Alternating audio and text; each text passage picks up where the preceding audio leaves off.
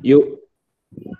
Ya, assalamualaikum warahmatullahi wabarakatuh. Selamat malam. Selamat. Salam sejahtera buat kita semua. Ya, apa kabar kawan-kawanku? Semoga kalian baik-baik aja di sana. Baik dong. Alhamdulillah baik. Alhamdulillah baik. Jadi di sini kita tuh pengen bikin podcast. Jadi judulnya itu tentang pengalaman kalian tuh dari awal kor corona menerjang bumi tuh sampai kayak akhirnya ke Indonesia tuh gimana sampai sekarang. Terus kayak apa aja sih planning yang udah kalian tata rapi gitu ternyata malah failed karena corona ini. Coba dong ceritain dari Anas deh. Kalau lu gimana Nas? Ya kalau gua sih ya, oh ya sebelumnya kenalin nama gua Rehan Syarul Anas. Eh kalau gua sih kayak yang apa sih tadi rencana-rencana yang gagal ya? Iya. Rencana-rencana yang gagal terus uh, pengalaman lu dari awal corona sampai sekarang tuh apa aja gitu loh. Ya kalau mungkin dari rencana yang gagal dulu sih ya. Gue tuh dulu sama temen gua itu rencananya habis ini kan zaman kita masih ada ini tuh apa namanya? Masih ada pengumuman nilai UTBK Oh ya, SBM kayak gitu UTBK apa. SBM dulu. Nah, nah niatnya tuh dulu habis pengumuman habis pengumuman banget lah. Niatnya gua sama temen gue tuh mau touring ke Lombok bawa motor. Nah, tapi gara-gara corona kita jadi nggak jadi. Jadi nggak jadi. Ya, cuman jadi sekarang ya di rumah. Terus ya ngobrolnya pakai online terus. Terus ya pengalaman selama pandemi ini ya paling di rumah doang ya ya masak ya nonton. Ya intinya produktifnya di rumah doang lah. Ya olahraga olahraga di rumah. Tapi ya paling paling paling apa? Paling kelihatan gara- gara-gara pandemi sih berat badan sih naik. Tinggi banget bos naiknya. Makan terus ya jadinya ya. iyo i Kalau keluarga lu sendiri nanggepin masalah corona ini gimana? eh ini sih ketat ya. Bisa dibilang ketat. Soalnya kayak yang keluar dikit nih misal kayak waktu itu betul gua ngambil apa namanya raport ijazah dan lain-lain ke SMA datang ke SMA balik tuh bener padahal bener-bener nggak sentuhan sama orang lain selain orang rumah gitu. Balik tuh kayak langsung harus mandi keluar dikit mandi terus cuman ke warung aja suruh pakai warung masjid gitu suruh pakai apa namanya masker yang keluar pokoknya keluar dikit cuci tangan lah pakai hand sanitizer pokoknya harus bersih banget masuk rumah tuh Tapi kayak tapi kayak karena corona ini maksudnya kita jadi lebih aware sama ya kebersihan gak sih? Hmm, hmm, hmm, hmm. yang kayak biasanya dulu kita habis megang-megang apa terus ya kayak bodo amat lah gitu Ya, ah, benar juga sih. Daripada kalau sebelum-sebelumnya kan kayak ya udah gitu ngerti gak sih? iya kayak kayak kurang apa sih namanya kayak kurang kurang kurang memperhatikan gitu loh kebersihan diri sendiri kalau dulu tuh dibanding yang sekarang Kayak jadi kurang self care lah ya. Udah kurang self care, kurang self love kayak Berat itu banget hidup. berat banget Kalau Ebi gimana Bi? Eh, experience corona gue kurang lebih sama sih kayak Anas. Kayak dari apa namanya rencana-rencana gagal. Kayak contohnya gue kan kayak pengen banget ada prom. Terus graduation SMA itu kan gagal gara-gara corona. Terus gak jadi kan. Terus paling pengalaman gue selama corona ya cuma di rumah aja. Terus gabut di rumah, tiktokan doang. Gitu-gitu doang sih paling. Tapi ya sih bener, corona jadi bikin gue aware sama keadaan sekitar, lebih aware sih. Kalau keluarga lu sendiri nanggepin masalah ini gimana? Dulu pas awal-awal PSBB bener-bener ketat banget, sama kayak Anas bener-bener ketat banget, sama kayak keluarga Anas. Kayak beberapa bulan, 3-4 bulan tuh gue gak keluar ke rumah sama sekali, kayak paling cuma ambil ijazah, legalisir, ke supermarket. Udah tuh gue kayak lumutan aja di rumah. Tapi kalau menurut pandangan lu maksudnya yang kayak kan lu awal-awal ketat banget nih, ya kan? Kayak Hmm, jatuhnya tiba-tiba orang tua lu secara tidak langsung jadi strict parent lah ya. Karena hmm, emang benar. penyakit ini kan. Tapi menurut lu dengan kayak misalkan orang-orang yang lu kenal lah atau orang-orang terdekat lu tetap keluar gitu walaupun eh, keluarnya itu bukan yang produktivitas gitu loh. Misalkan kayak main lah atau nongkrong kayak gitu-gitu gimana? Dulu gue agak, agak annoyed sih gara-gara kayak mereka main tuh ya udah eh maksudnya keluar tuh bukan yang kayak hal-hal penting, bukan hal krusial yang kayak misalnya beli belanja bulanan lah, cuma nongkrong ke tongkrongan mereka, terus bener-bener kayak rame gitu. Cuman lama-lama kayak yang ya udahlah, tapi agak sebel juga sih kalau ngelihatnya. Tapi lama kelamaan akhirnya setelah orang tua lu eh tapi orang tua lu sampai sekarang masih yang strict gitu nggak atau mulai agak mereda gitu? udah udah mereda. Tapi sejak yang sekarang naik lagi nih ka- ka- kasusnya kan udah nembus 10 ribu ya. Udah Hmm. balik strict lagi gue udah kayak udah susah lagi buat keluar rumah. Hmm, gara-gara ada peningkatan lagi jadinya mulai kembali lagi ya. bener. Apalagi udah nembus 14 ribu kan kasusnya. Oke deh. Yuni gimana kalau menurut Yuni? Kalau dari cerita lu deh gimana? Kalau gua sama eh, corona muncul itu ya nggak jauh di sih dari kayak, ke yang dibilang Ebi sama eh, Anas. eh rencana gagal gue tuh sama kayak dari party gitu jadi nggak ada kayak graduation pas SMA juga nggak nggak jadi gitu. Terus mau jalan-jalan setelah party SMA juga nggak jadi sama teman-teman ataupun sama keluarga jadinya nggak jadi banyak rencana yang gagal sih gitu. Terus Planning planning planning lu misalkan kayak yang seharusnya eh, lu jalanin nih cuman karena emang corona tiba-tiba mungkin ada beberapa teman lu yang nggak bisa lah kayak misalkan Ebi tadi strict parent itu gimana? Kenapa kenapa? Eh, ini misalkan kayak planning planning lu lah atau yang bareng teman-teman lu itu gimana? Planning gue sama teman-teman gue gitu. Ya, ah. Kalau gue waktu itu mikirin sih sel- karena selama pandemi itu nggak ada kayak nggak ada kerjaan kan di rumah daripada eh, nganggu-nganggu doang, cuma tidur-tidur dan rebahan. Gue sempat eh, bikin planning gitu sama teman gue kayak bikin online shop dari fashion-fashion gitu. Karena gue suka juga kan sama fashion, jadi gue sempat bikin kayak online shopnya gitu sama teman gue. Hmm. Dan apakah itu berhasil? Hmm, berjalan sebentar sih, cuman eh, nggak karena akses keluar untuk untuk em, akses keluar kota tuh kan nggak bisa tuh, jadi Hmm, kayak ya oh, nggak jadi gitu. berat juga sih ya jadinya ya. Iya, Orang orang tua lu sendiri gimana? kalau orang tua gue sendiri sih, kalau eh, selama gue pandemi itu, kalau misalnya eh, kayak dia lebih mendukung gue, lebih mendukung gue untuk eh, membuka online itu lebih lebih pingin mendukung juga cuman karena akses keluar kota itu membuat mereka lebih Mempersulit lah ya. ya itu Jadinya mau apa mau melakukan bisnis lu juga jadi terbebani karena dipersulit juga kan. ya Hmm. Tapi sampai sekarang maksudnya gimana ya? Kan Kenapa? eh, lu lu lagi jauh dari keluarga lah ya jatuhnya kan. ya Merantau lah ya. Orang tua lu sendiri ya gimana? Hmm, ada sedihnya juga sih cuman walaupun jauh dari eh, orang tua kan dari pengawasan juga kan tibanya ya pandai-pandai juga jaga diri di sini apalagi dari kesehatan lah intinya gitu mengikuti, mengikuti protokol lah Hmm. gitu. Oke oke oke. Sekarang kita ke Diza deh. Diza coba ceritain dong. Gimana nih?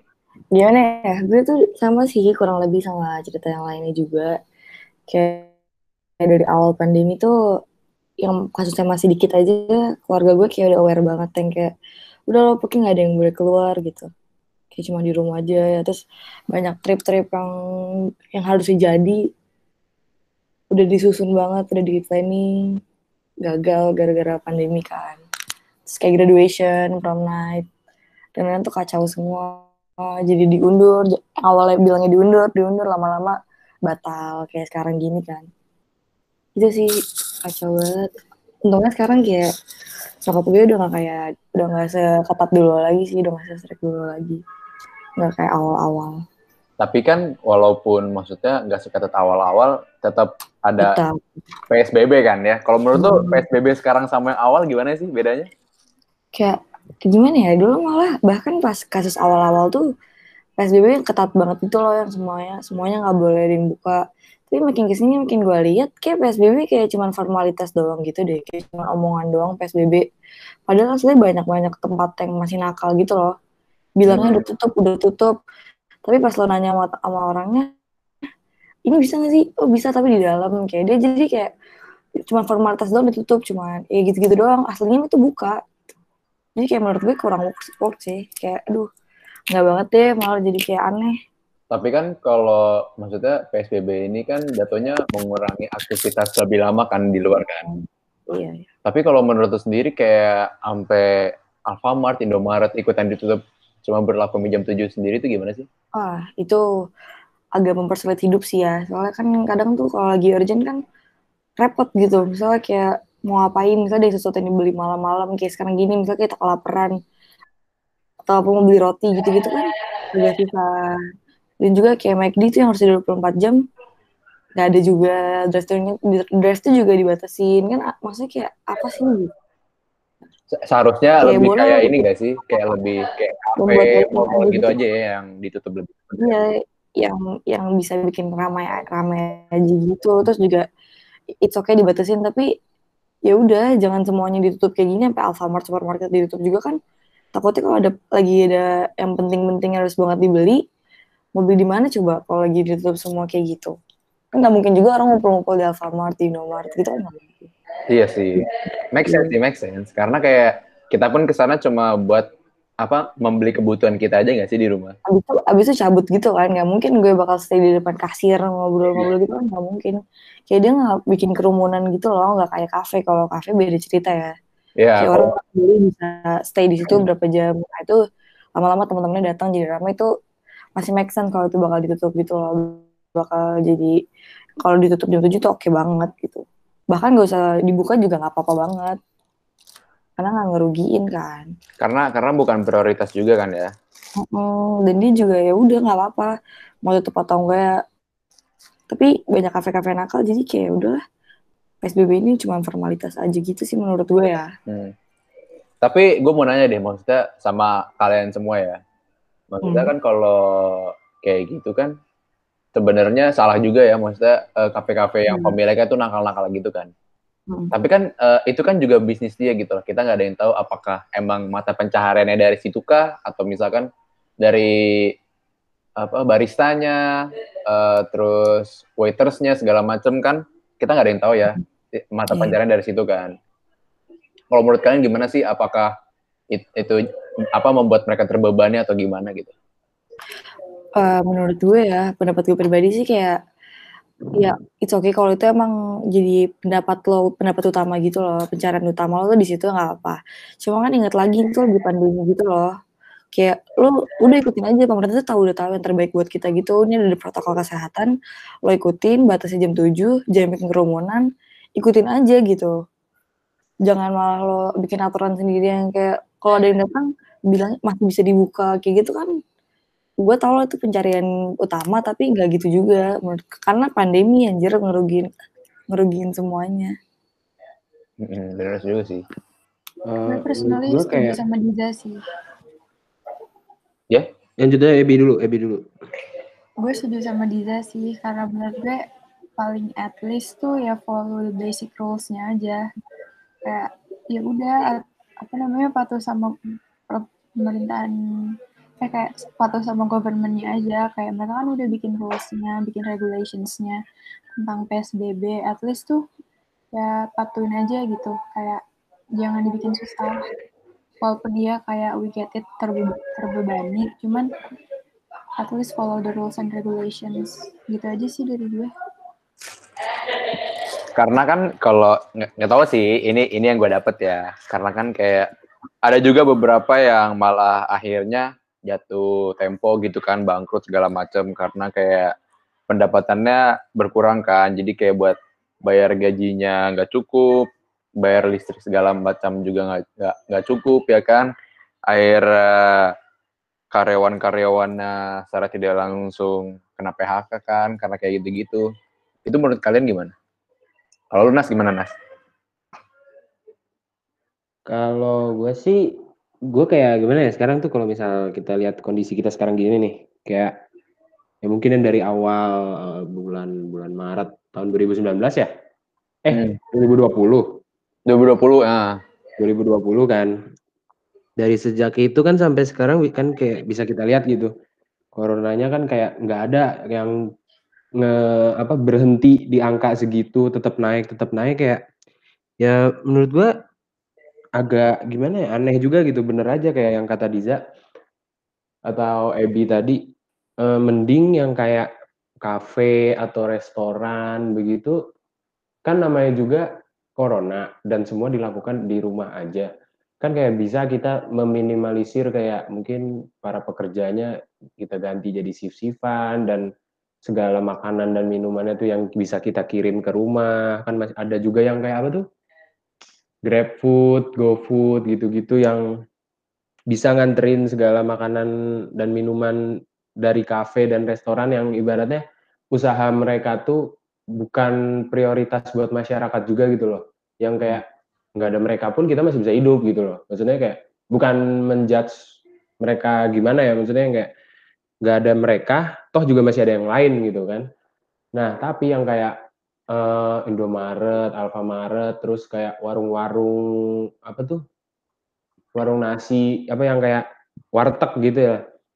Yang menurut gua yang itu yang harusnya tuh yang kayak boleh dibuka sampai lebih dari jam 7 tapi harus apa nggak boleh apa namanya kalau yang kayak warung-warung gitu tuh nggak boleh dine in ibaratnya nggak boleh makan di situ harus kayak lu datang lu beli pesen gue pulang gitu loh kayak ya Iya, take away gitu. kan, take away. iya kayak jatuhnya take away gitu kayak menurut kan kayak kasihan gitu bukan bukan gimana ya maksudnya kan kayak yang usaha mereka yang usaha mata pencarian utama mereka yang kayak warung warung kayak cuman warteg atau enggak warmindo warmindo gitu kan ibaratnya penghasilan mereka kan nggak sebesar yang dari restoran atau kafe gitu kan.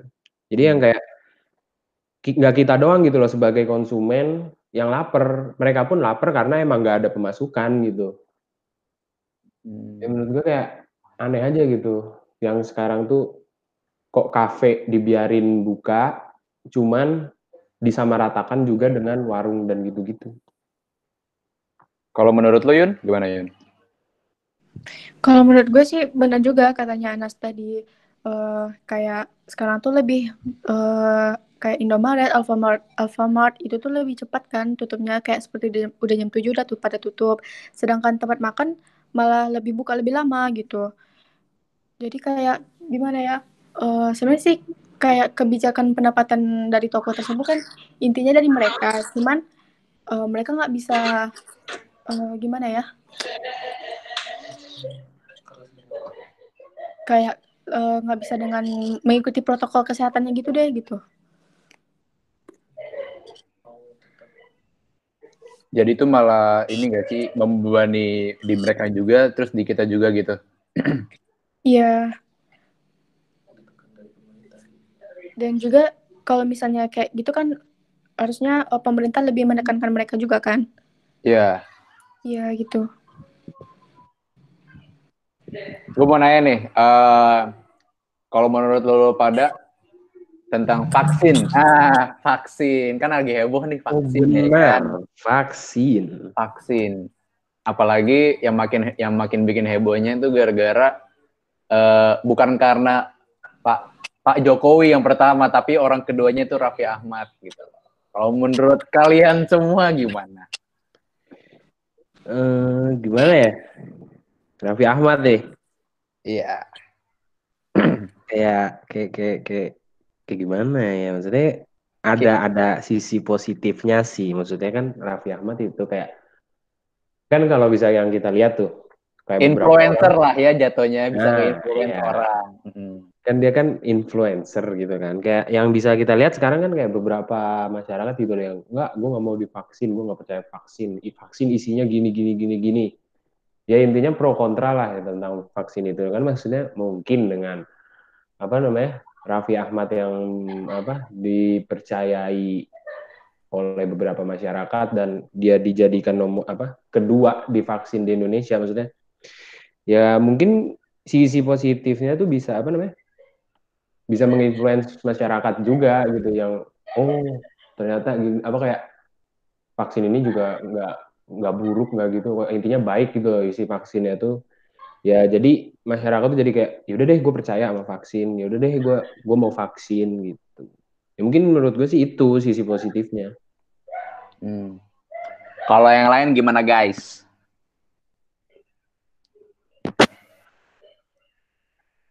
Kalau Guys, gue, kalau menurut gue, ya ada ada sisi positif sama negatifnya sih. Cuman gue agak shock aja kenapa orang keduanya Raffi Ahmad walaupun ada pro kontra sih.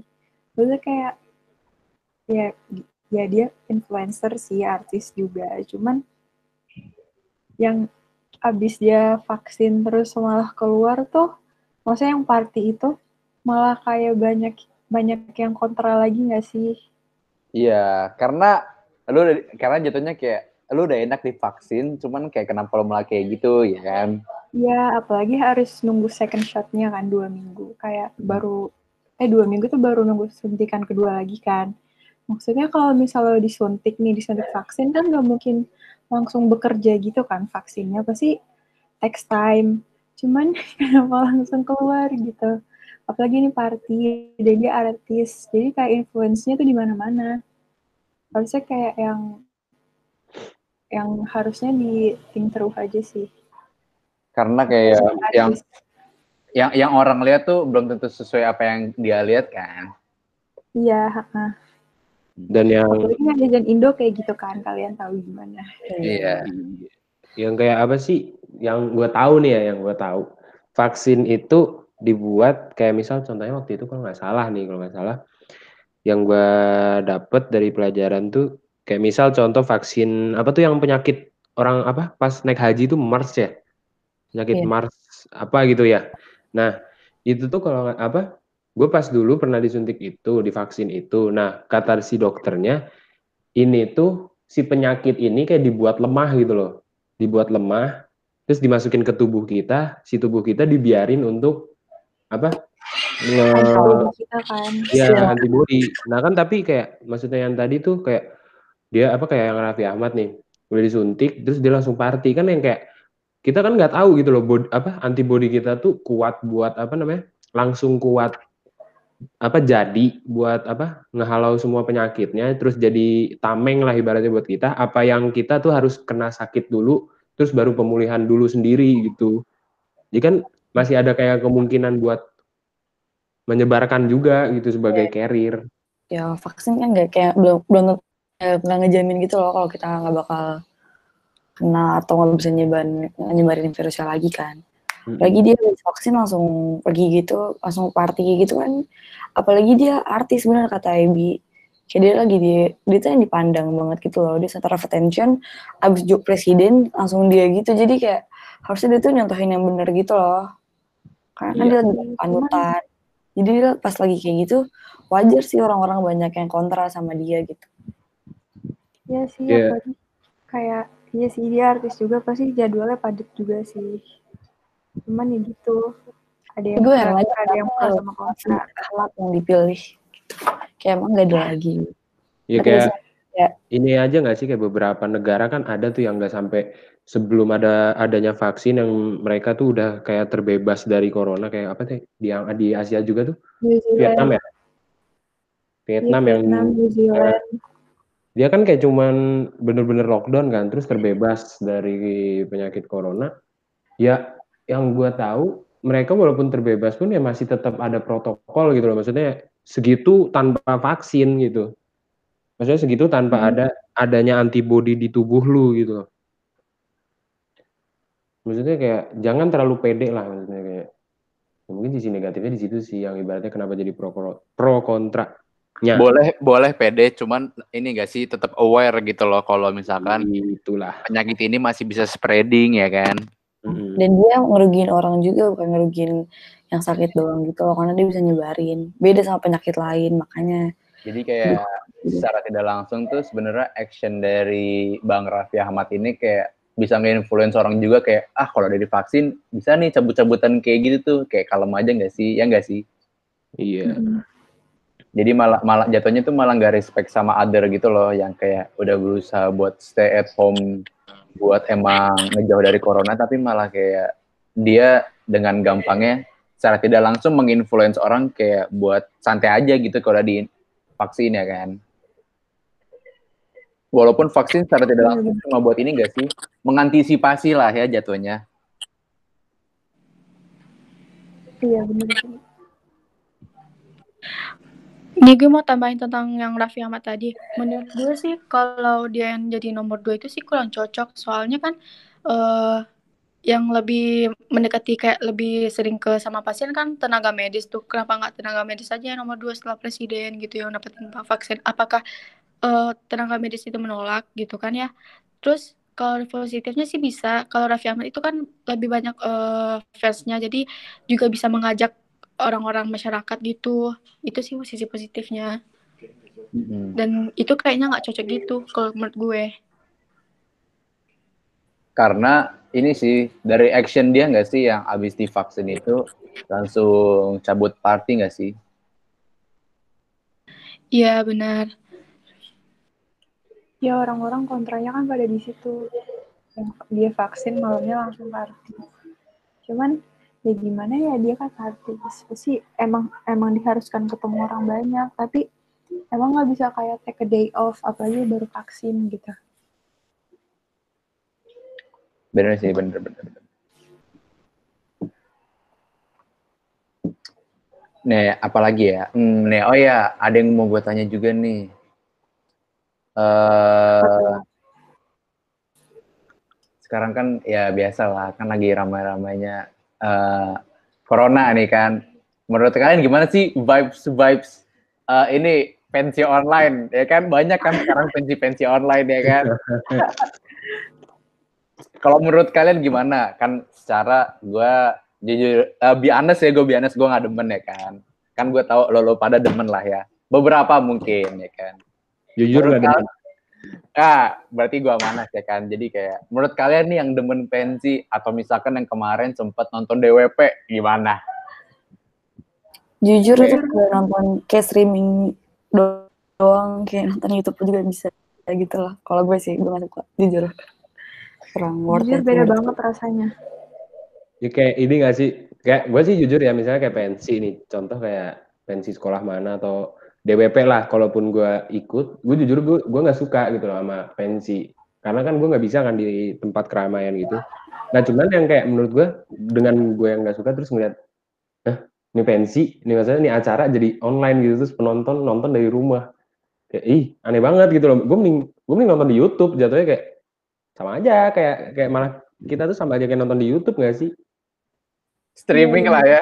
Iya kayak streaming jadi kayak ya ada nih orang ya live streaming gitu kan. Orangnya ada live streaming cuman kita kayak nggak bisa dapet keseruan realnya gitu loh. Vibes-nya kangen lah ya vibes-nya. Iya vibesnya dapet. Kangen banget sih vibes pensi sama konser. Apalagi yang DWP kemarin kan gue sempat lihat highlightsnya kan kayak kocak banget sumpah kayak orang kan DWP pengen nikmatin vibes terus beat dari DJ-nya kan. Ini kayak gimana gitu ya kan kayak lo dengerinnya tuh dari dari apa beatsnya tuh dari kalau nggak speaker HP, laptop, TV ya kan kayak gitu-gitu. Tapi kayak cringe banget gak sih kayak gitu? Iya, yang kayak suaranya tuh belum tentu sengebas iya di cuman tempat langsung gitu loh. Cuman tuh kerennya apa dari situ orang tetap banyak yang nonton gitu loh. Iya. Nggak tahu emang gabut atau emang seneng ya kan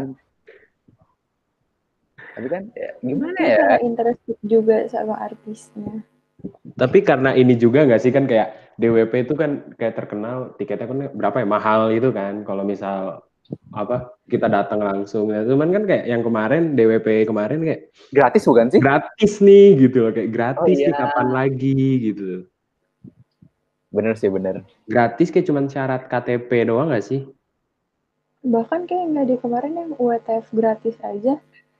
Itu definisi kayak tinggal login pakai email doang kalau nggak salah. hmm, kan maksudnya kayak mumpung gratis nih maksudnya kayak ya udah nonton gitu loh Dan artis-artisnya juga artis A-list gitu loh, artis-artis ternama.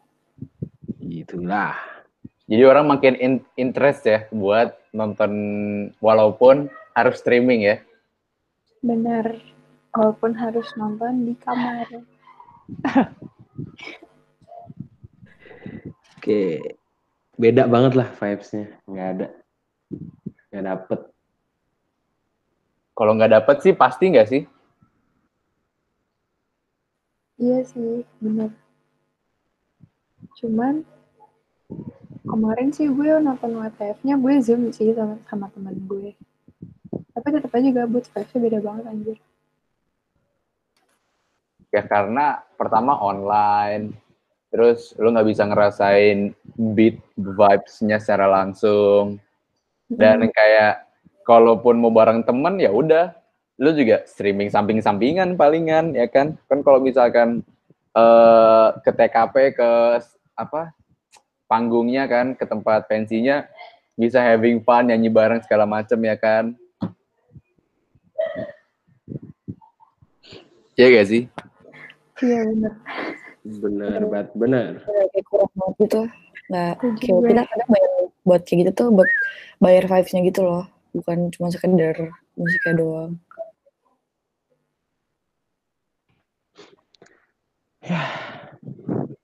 Corona corona. Tapi menurut kalian corona bakal selesainya kapan sih? ya menurut gue sih bakal lama banget gak sih? Kayak orang-orang yang dengan kesadarannya tuh dikit Hmm, kayak Kalau lama menurut banget.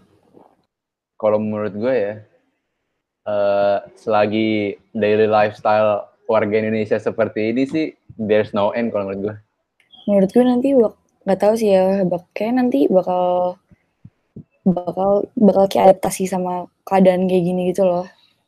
Jadi ntar orang-orang bakal terbiasa sama kehidupan kayak gini pakai masker kita selalu aware sama adanya virus ini gitu jadi kayak semua bakal terbiasa gitu loh apalagi kita udah berapa berapa bulan hampir bertahun-tahun juga kan ini pasti nggak mungkin bakal cepet berakhir gitu loh jadi orang-orang bakal Iya, menyesuaikan gitu. karena kayak yang waktu itu sempat booming di UK kan sempat eh, ada beritanya tuh sekolah udah mulai dibolehin lagi kan secara offline Mm. tapi seminggu itu malah ternyata murid-muridnya kena corona.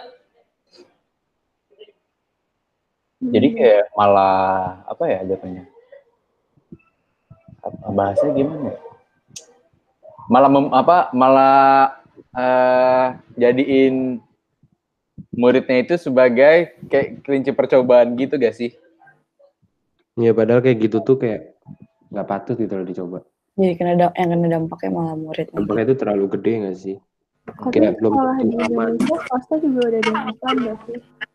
iya. Beberapa sih? Ada gak sih? Offline juga itu. Apalagi eh, kayak di Indonesia aja kan. Sempat ada apa sih namanya rumor-rumornya kita mau offline ya kan. Baik dari yang kuliah sama yang sekolah ya kan. Katanya mau Hmm, offline offline. yang dua yang apa yang awal bulan itu yang ini bukan sih 25% offline 75% online iya Iya, Iya. bulannya beda lagi sih? kalau menurut kalian nih kalau menurut kalian bakal ini enggak sih bakal 100% di antara kalau misalkan prediksi pemerintah kan kayak bertahap gitu kan bisa lah tahun depan atau dua tahun lagi. Kalau menurut kalian bakal kesampaian nggak tuh 100% offline? Eh, Gak yakin sih gue. nggak yakin sih kayak Itu nggak- kurang. Buat keadaan sekarang aja kayak gambling banget gak sih buat offline. kayak gambling dengan kenyataan gak sih? Itulah. Tapi gimana ya? Walaupun eh, kita yang sering berharap offline gitu cuman rata-rata dari kita kayak tetap nongkrong gitu-gitu jadi kayak off offline banget gak sih Iya sih.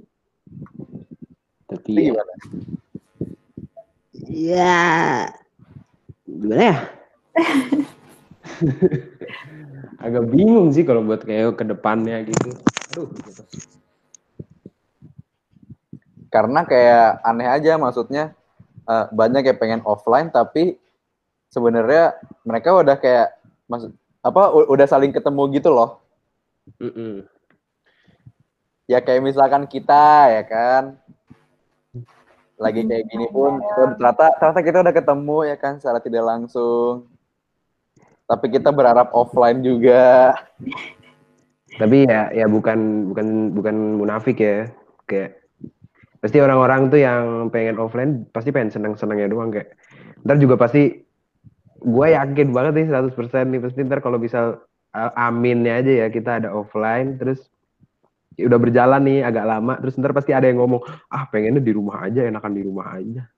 Padahal udah lama kena corona maksudnya kayak masa pandemi itu udah panjang gitu loh. Itu pasti udah pasti ada yang ngomong kayak gitu sih. Pasti banget. Kalau namanya juga manusia ya kan.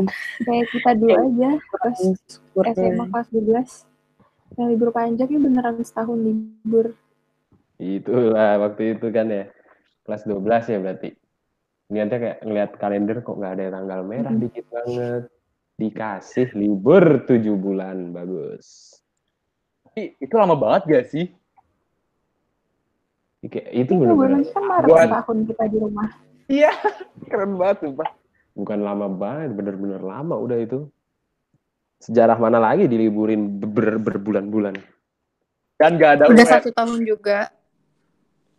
Mm-mm. sebenarnya jatuhnya nggak ada liburin nggak sih karena kita sebenarnya juga kuliah kita sekolah ya tapi dari rumah Iya. tapi kita anggapnya kayak libur Ya cuman kayak waktu pas SMA aja kan awalnya eh, para apa para murid belajarnya di rumah. Belajar tuh kita kan kayak persiapan awalnya persiapan UN. Terus tahu-tahu ada kabar UN ditiadakan.